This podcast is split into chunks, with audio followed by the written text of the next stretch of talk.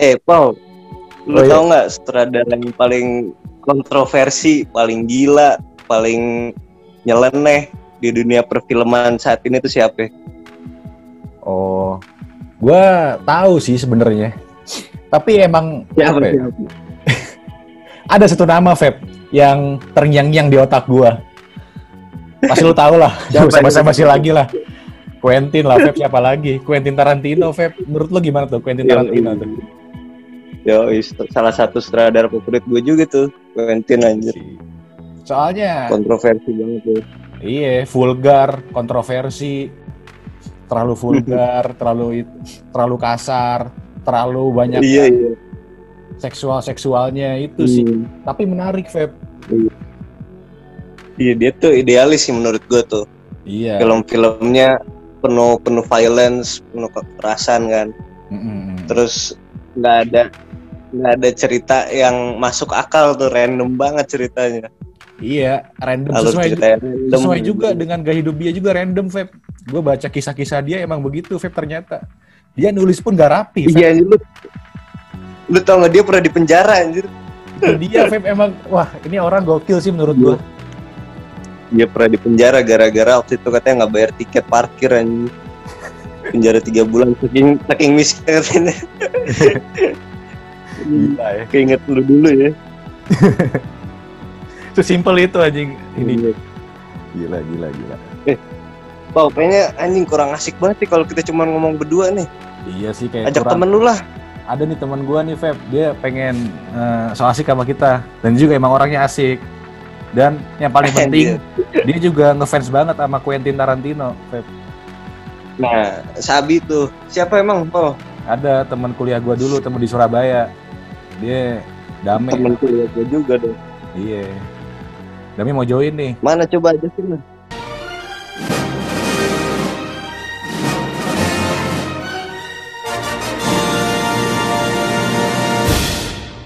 Eh, halo Feb. Apa kabar, Halo, halo. Baik, baik. Gimana, gimana? Sehat kalian semua? Alhamdulillah sehat. Sehat. Pesen Joshua dulu. Udah, udah. Nanti pesen kopi ya. Minum. Beres. Gini, Me. Dari tadi kita lagi ngomongin tentang film, eh tentang sutradara Quentin Tarantino nih. Ha-ha. Lu, lu pernah nonton filmnya kan pasti? Wah, itu kalau aku personal sih bisa dibilang sutradara favoritku sih, Quentin Tarantino nih. Ada banyak aspek Sutradara yang bisa dibilang aku senang sama gaya filmnya.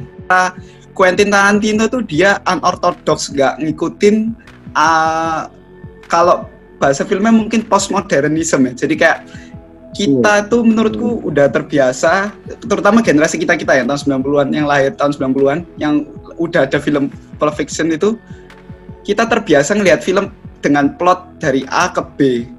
Jadi kayak kita tuh mesti nonton film yang ada awal dan akhirnya dan harus ada konklusinya gitu loh. Kalau menurutku ya. Jadi kayak kalau kita melihat film yang nggak sesuai dengan apa namanya mindset kita kok ada harus ada endingnya tuh kita bakal kecewa, kita bakal down sama film itu kayak kita tuh cenderung nggak menikmati prosesnya, kita cenderung lihat hasil akhirnya kayak oh siapa yang menang, siapa yang kalah kayak gitu kan. Tapi Quentin tuh emang salah satu sutradara paling ini sih, revolusioner tuh kata gua.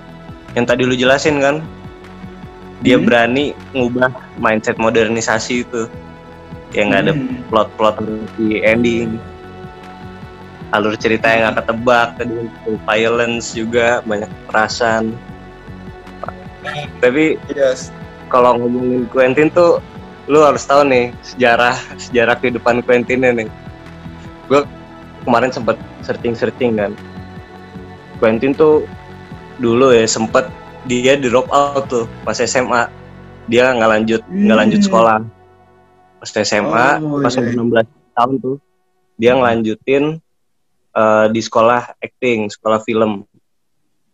Dia di sana selama 2 tahun tapi di situ dia nggak selesaiin juga tuh sekolah actingnya Oh. akhirnya dia mutusin buat kerja di video store zaman dulu Hmm. kan ada jual-jual video-video gitu tuh Iya, iya, iya. Iya. dia kerja di sana tuh di California di sana terus sambil ngejagain video store itu dia selalu nyempetin waktu buat nonton nonton film-film semua film di video store itu nah dari sana Iya, tuh iya. dia belajar buat, buat gimana cara buat film cara apa ngembangin dialog jadi tuh kerennya si Quentin ini dia nggak belajar dari sekolah acting film tapi dia belajar dari nonton film-film Heeh.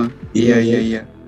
Keren sih itu ya Keren ya. Aku itu. pernah baca itu tentang sesuatu tentang itu tentang apa namanya sejarahnya Quentin Tarantino. Dia tuh nggak datang dari background yang bisa dibilang perfilmannya kayak akademinya bagus banget gitu nggak. Dia aku juga pernah baca yang dia di dia jaga di kasir gitu kalau nggak salah di video step gitu terus belajar dari situ. Keren itu. di video store. Eh, gila ya langsung kritis di Iya, situ. iya. Ya Quentin tuh kan basicnya emang anak jalanan juga kan dia, anak jalanan, keras, vulgar, begitu. iya Hmm. kan? Dia tuh orang jalanan, tapi dia punya hobi film gitu. Orang putus Ada sekolah, dia dia punya mimpi pengen gitu. jadi sutradara terkenal ya kan. Itu kayak Quentin. Ah. Gue ngebayangin kalau di Kan. Indonesia kayak gitu dia karena gagal ditolak-tolak sama PH-PH dia ngelamar jadi penjaga warkop, apa penjaga bar, macam-macam kalau di kalau di kalau di Amerika kan penjaga bar kan sama penjaga apa kaset-kaset gitu kan. Kalau di Indonesia penjaga warkop. Aha. Kesehariannya film-film itu kan. Sambil Kamu dong Pak, Iya. jaga warkop.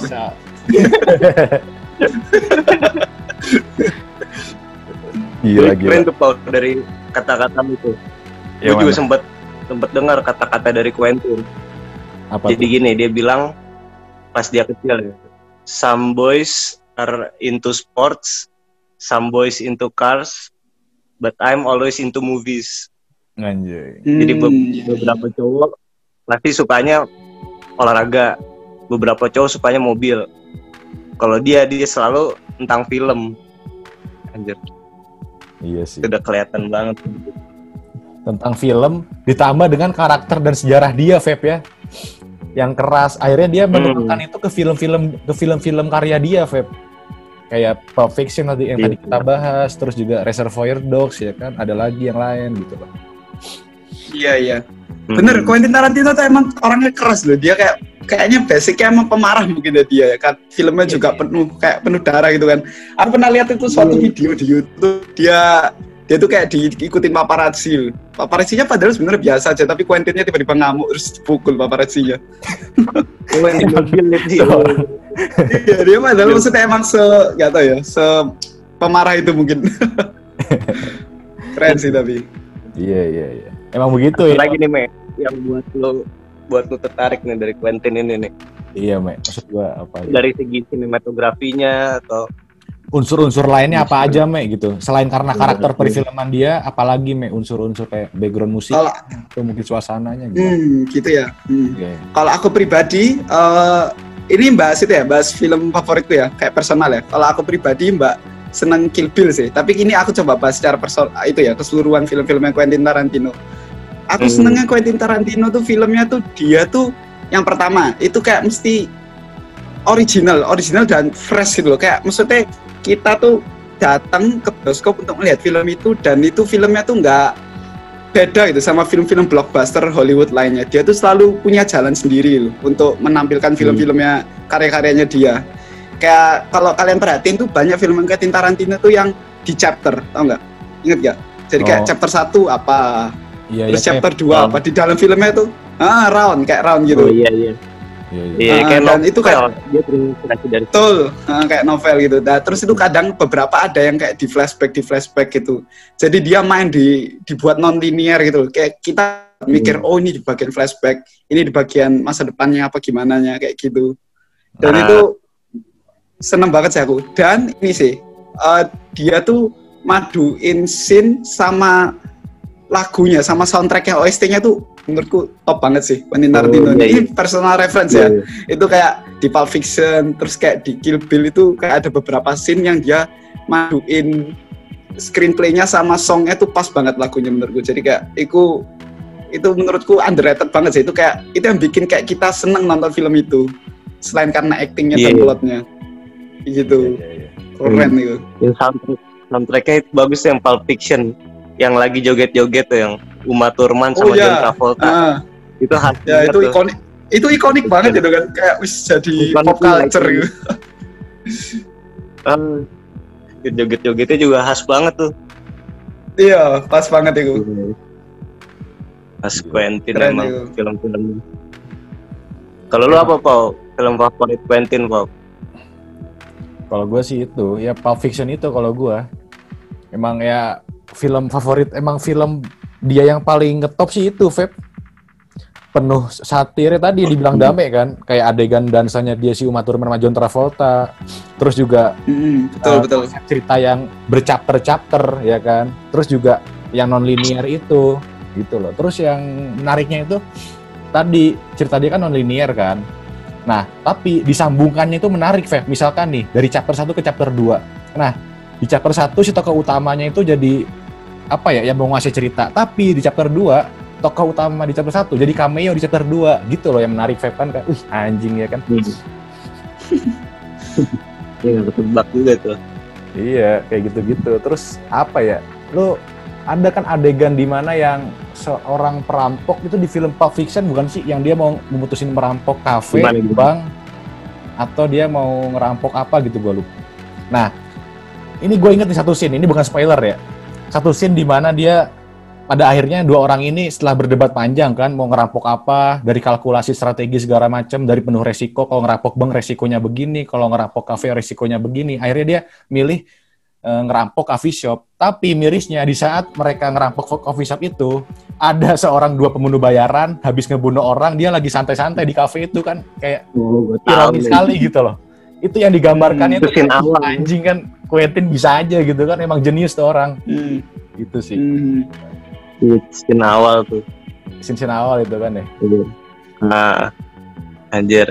Tapi emang dari segi ini ciri khas sutradaranya tuh Quentin ada banyak banget poin yang jadi ciri khasnya tuh.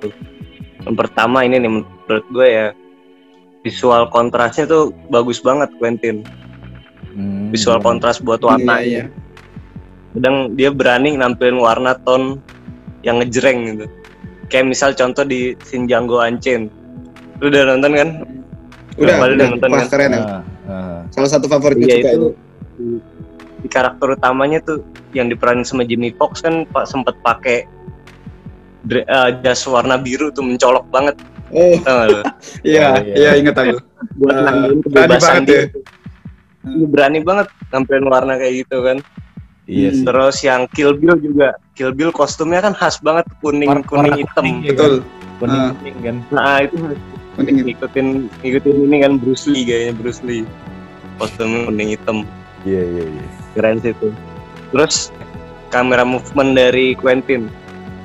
Gue sering merhatiin sebenarnya tuh ada yang scene di mana ter- terlalu ngezoom terlalu ngezoom muka tau oh jadi Oke. kita seolah seolah tuh kebawa kebawa emosinya juga Hmm, kebawa, tahu tahu aku. emosi ya. dari ah, dari toko yang di zoom itu Hmm. keren banget sih itu kayak juara ini Feb, ya, juara aku- banget sih kalau.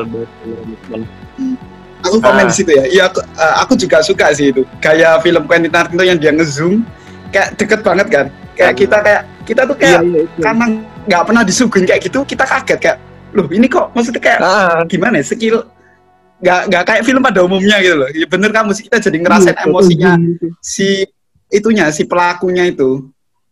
Dan si Quentin Iya, Tarantino tuh dia menurutku ya ciri khasnya selain yang zoom zoom kamera kamera angle-nya tuh dia tuh ini cenderung su- suka nampilin dialog yang sebenarnya tuh bahasnya tuh bahas cuma hal satu gitu kayak hal A sebut A ya, dia bahas A tapi itu bisa dibuat 10 menit 15 menit Ta- tapi kita tuh nggak Hmm. bosen liatnya dia bahas tuh kayak ngomongnya tuh gimana ya? Kalau bisa dibilang tuh bahasa Inggrisnya mungkin razor sharp dialog tuh jadi kayak ngomongnya tuh pedes gitu bahasa orang-orangnya. Pedes kasar vulgar tapi kayak Oh, dikemas iya, dengan iya, iya. bagus. Jadi kayak menarik gitu ngeliatnya. Nggak kita nggak bosan meskipun dia tuh cuma orang yang bertiga tapi ngomong-ngomongan sambil rokokan sambil minum kayak tapi cuma bener-bener duduk dan ngomong tuh seru banget untuk dinikmati filmnya.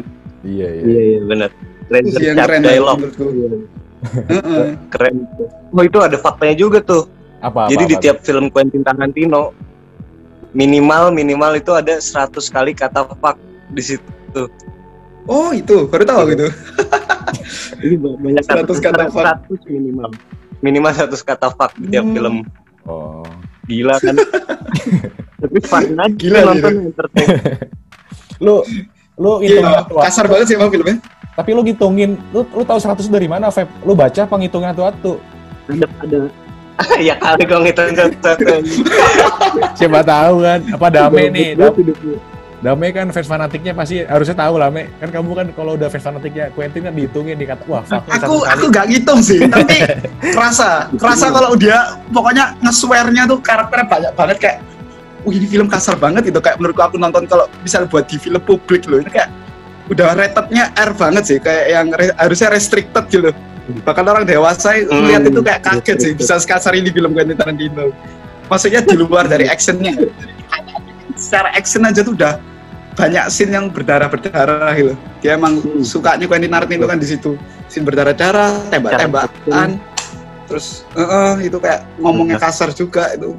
Tapi tapi jadi gini, kayak tapi kalau so- kalau ngomongin soal adegan kekerasan dalam film Quen- apa dalam film Quentin Tarantino tuh yang menarik artistiknya itu, Me. Dia mengemas adegan kekerasan itu secara artsy, artistik, Me. Kan beda kan sama film-film psikopat Hmm. kan, sadis, kekerasan. Iya, iya. Tapi kan kita kan takut ngelihatnya ya. Tapi kalau Quentin hmm, sadis, keras, tapi kita malah nggak takut, kita malah enjoy, asik gitu, ngerti nggak, Me? Kayak kita seolah-olah iya iya iya paham paham berdans apa kayak anjing nih kok kayak, kayak ngajak joget tapi sambil ngebunuh orang kayak kan Iya. kayak mutilasi orang tapi sambil dansa Me, sambil joget joget-joget gitu kan Iya, Hmm. hebat Quentin. Ini Ngebungkusnya bagus. yang di sini tuh hmm, paling aku paling bisa relate di film yang di Kill Bill sih itu emang uh, beberapa scene yang menurutku sangat kasar banget sih maksudnya kayak gore banget itu tapi kayak kita tuh somehow menikmati scene itu gara-gara ya Quentin dia mengarahkannya gimana ya dengan musik yang pas dengan kamera Hmm. angle yang pas dan aktrisnya sendiri itu juga gimana jadi Pas. enjoyable banget untuk dinikmati sebenarnya scene itu Gila ya. Yang Kill Bill tuh ada kan scene yang palanya bocor, terus darahnya muncrat sampai atas itu. nah Oh, itu iya. ya juga itu itu itu banget sih kayak estetik lah Feb kalau gue bilang Feb iya estetik Kayak- banget sih kayak garing gitu tapi estetik banget kayak Ah, ah, gitu, ah, bahas palanya sampai buntung tapi darah muncul kayak air mancur gitu kan nyata kayak gitu. Iya, kayak Coba lu lihat di kehidupan nyata kayak gitu, Bang. Muntah lu anjing. iya bener bener Jadi estetik. iya jadi Itu estetik kerennya Quentin tuh dibungkus. Dia bisa ngebungkus secara secara kreatif, secara art gitu. Artsy. Hmm.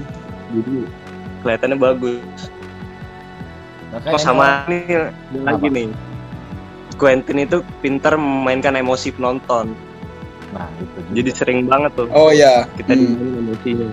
Jadi kadang kita dibikin ketawa, ketawa, ketawa, terus Toto berhenti ketawa, Toto kita jadi ketakutan. Padahal itu satu scene yang berdekatan. Hmm. Ah ini aku setuju banget. Pak. tuh. Iya, ini iya, iya. menurutku Quentin Tarantino nih salah satu sutradara yang dia tuh di satu film tuh bisa gabungin genre komedi, genre action, Hmm. terus kayak mung- kadang mungkin genre romance juga beberapa itu kayak dikemas dalam bisa dianggap jadi satu scene gitu loh untuk tiga genre itu dan itu dikemasnya banget. Jadi kayak unik sih itu kayak jadi kita nggak ngerti ini sebenarnya film komedi apa film drama apa action Hmm. jadi nikmat banget sesuatu yang baru untuk dinikmati menurutku dan bagus gitu kemasannya Iya kan. Bisa gitu ya mainin emosi penonton tuh. makanya Genrenya keren. banyak gitu di satu scene. Iya berbagai genre ya kan sih. komplit lah drama, komedi, romance semua Hmm. jadi satu. Apalagi kan dia juga penganut aliran dark comedy kan di film-filmnya itu kan. Komedi gelap gitu kan. Ada Gua komedi, satire. Iya. Iya. Komedi-komedinya itu yang menarik sih. Terus satu lagi nih, Apa? Mm. Hmm, satu lagi nih gaya gaya sutradara si Quentin nih. Jadi kalau kalau kru-krunya nih, kru-kru di setiap film Quentin, Hmm. kalau misal mereka lagi capek, mereka Hmm. lagi capek nih kebanyakan take, kebanyakan take gitu kan. Nah, terus si Quentin bakal ngomong nih, we're gonna do one, one more scene. Because why gitu. Kita kita bakal ngelakuin satu scene lagi. Karena apa? Nah, ntar semua krunya sih jawab. Because we love making movies, anjir. Di situ keren banget sih itu Quentin. Kayak pemimpin dia sadar. banget ya berarti ya. Kayak fun aja gitu jadi kerja. Wah jadi semangat lagi kru-krunya. Iya iya iya. Ada Hebat bisa sih Quentin tuh. Terus terus di tiap di tiap kam, di tiap adegan tuh Quentin biasanya tuh selalu ada di sebelah kameramen. Kan biasanya kan kalau sutradara kan jaraknya jauh tuh. Biasanya di tempat terpisah, nontonnya di layar terpisah, nggak langsung. Nah kalau Quentin ini dia langsung adep-adepan nih, ak- jadi aktor di depan, terus ada kamera, nah di sampingnya tuh Quentin. Jadi aktor tuh kayak Hmm. bener-bener semangat buat acting di situ Hmm. Iya, iya. itu sih yang gaya sutradara yang nggak ada di sutradara lain tuh cuman ada di Quentin bahkan beberapa film ya Feb terutama ini sih aku tahunya Reservoir Dogs sama Pulp Fiction itu Quentin Tarantino jadi cameo Hmm. loh dia main oh sebenarnya. iya iya Ah, iya iya main. Main sebenarnya Iya iya tapi iya ya di cameo sih. tapi tetap kelihatan noticeable dia kalau ada Hmm. dan dia ngomong juga. Iya iya. Keren sih. Sutradara yang mau ini. tampil di filmnya sendiri. Jarang-jarang. Kan sutradara main di filmnya juga. Iya. Keren sih itu. Keren sih terus. Quentin. Quentin ya. Gila gila gila. Ada ada juga nih yang apa ya? Yang menarik lagi nih, Inglorious Bastard. Film filmnya dia. oh ya itu juga. Hmm, 2009 suka aku suka itu. Eh, si Inglourious Bastard tuh jadi settingnya kan alternatif universe ya. Jadi orang itu di World War II tapi Amerika tuh menyusup ke Jerman. Nyari Nazi pokoknya pokoknya itu pokoknya alter, alternate universe tapi ya pokoknya sebenarnya nggak terjadi gitu dunia nyata. Cuma inspired dari World War II tapi kita tuh Sambau tuh bisa larut di universe-nya si Quentin Tarantino itu. Kan sekarang film Hmm. World War II kondisinya di Jerman tapi ngomong bahasa Inggris itu nggak real kan sebenarnya. Tapi kita kayak nggak sadar akan hal itu gitu. Kalau itu sebenarnya sebenarnya harusnya pakai bahasa lokal Jerman tapi sama dia dibuat bahasa Inggris tuh keren banget sih. Kayak tapi kita nggak sadar. Kita bisa larut ke Iya. kayak fi- kayak filmnya Quentin Tarantino. Si Gila sih. Ada Hitlernya juga kan Hitler Nazi kayak Hmm, real ada. gitu. bener tapi random ceritanya sesuai Quentin aja pengennya gimana Nah, ya itu aku sukanya di situ sih. Dia tuh berani menciptakan sesuatu yang original kan. Itu kok, coba yang megang bukan Quentin, tapi konsepnya kayak gitu itu belum tentu hasilnya kayak Glorious Bastard. Bisa jadi maksudnya endingnya bakal nggak se-epic di Glorious Bastard. Tapi iya sih. Keren sih. endingnya ngeselin banget tuh menurut gue sih itu tai lah masa kayak gitu ya Iya, Makanya itu kayak kan itu sih alternate universe banget nggak real kan sebenarnya. Tapi epic Iya, sih. nggak real Dibungkus dengan bagus banget. Kita sampai kayak mikir ini benar terjadi apa dulu di World War II padahal nggak itu fiksi sebenarnya. Tapi dia mengemasnya bagus ya, tahu ini film itu, Mei. endingnya Iya, mengemasnya bagus ya. Kayak seolah itu pernah terjadi gitu, padahal tuh sebenarnya fantasinya dia sendiri itu. gue setuju sih, Mei. Gue, aku setuju sama kamu, Mei, yang kamu bilang. Kalau misalkan bukan, bukan Quentin, kayaknya film tuh nggak bakal, mungkin bakal film sampah kali ya. Itu soalnya Quentin berani banget gitu, Iya, ambil film itu, Mei. Soalnya itu kan nekat menurut menurut Hmm. aku sih. Iya. tapi itu serunya katanya tuh entertainmentnya tuh di situ Hmm, habis Hmm, itu ada jang- aja. ah, itu juga, wah itu, aku juga, aduh banyak banget yang aku favorit. itu juga seneng banget sih aku Hmm. Django Unchained itu.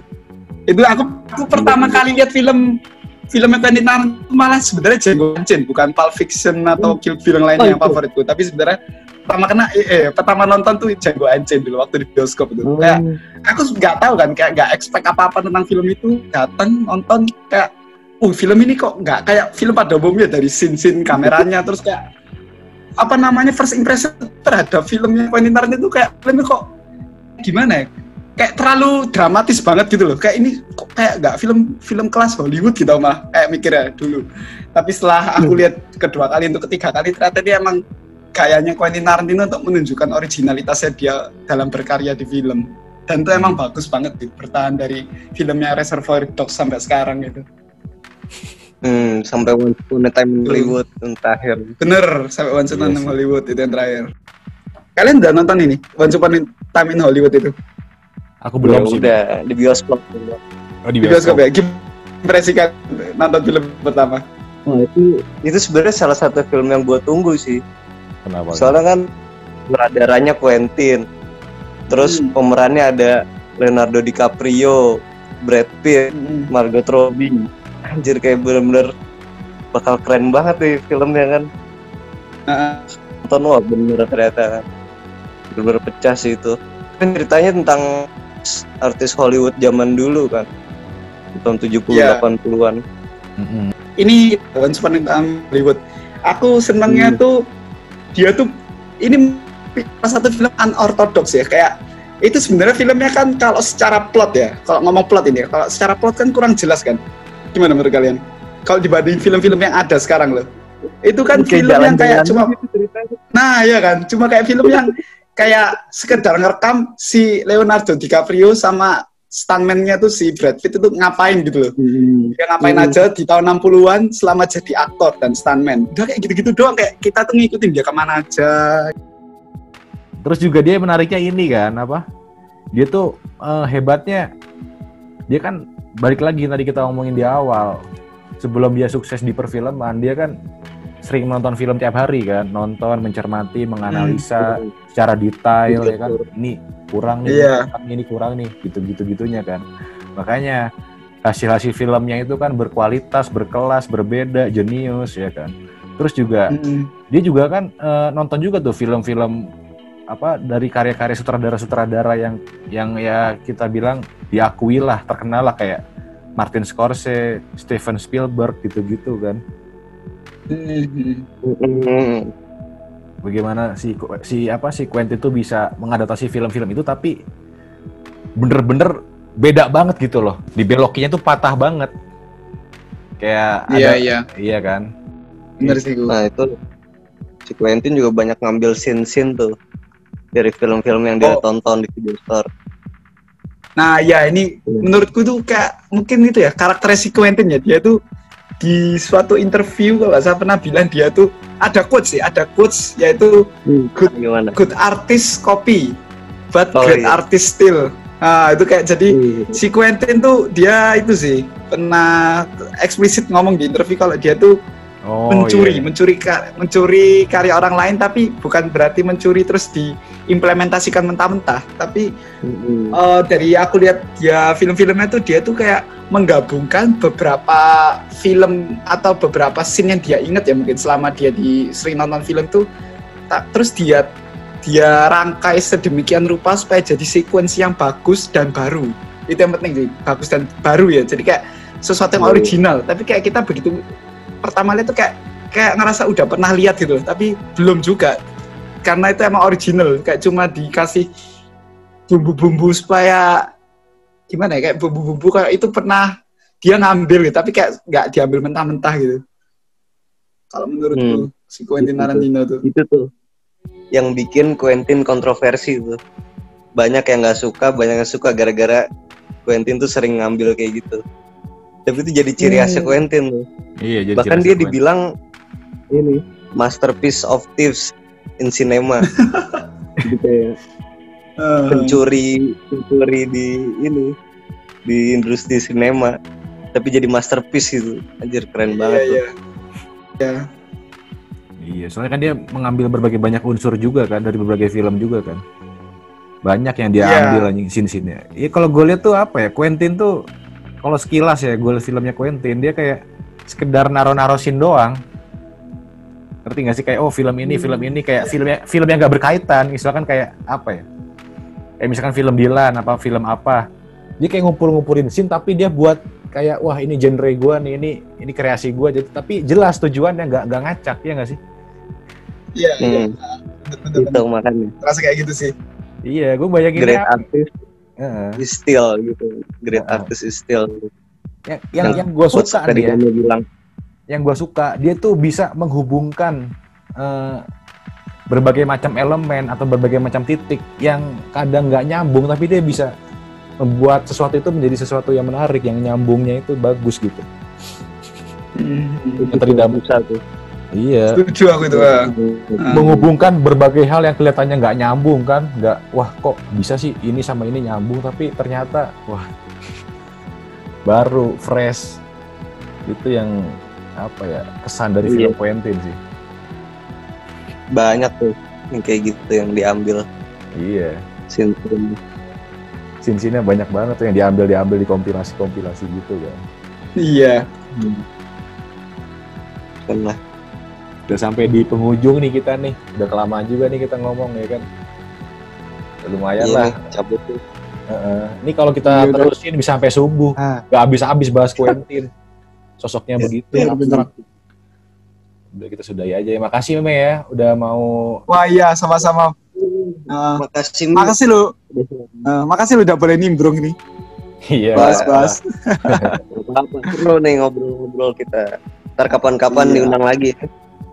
Amin dia. Koli-koli aja lah. Mau loh. Ya, Siap, Dan siap, siap. senang hati aku.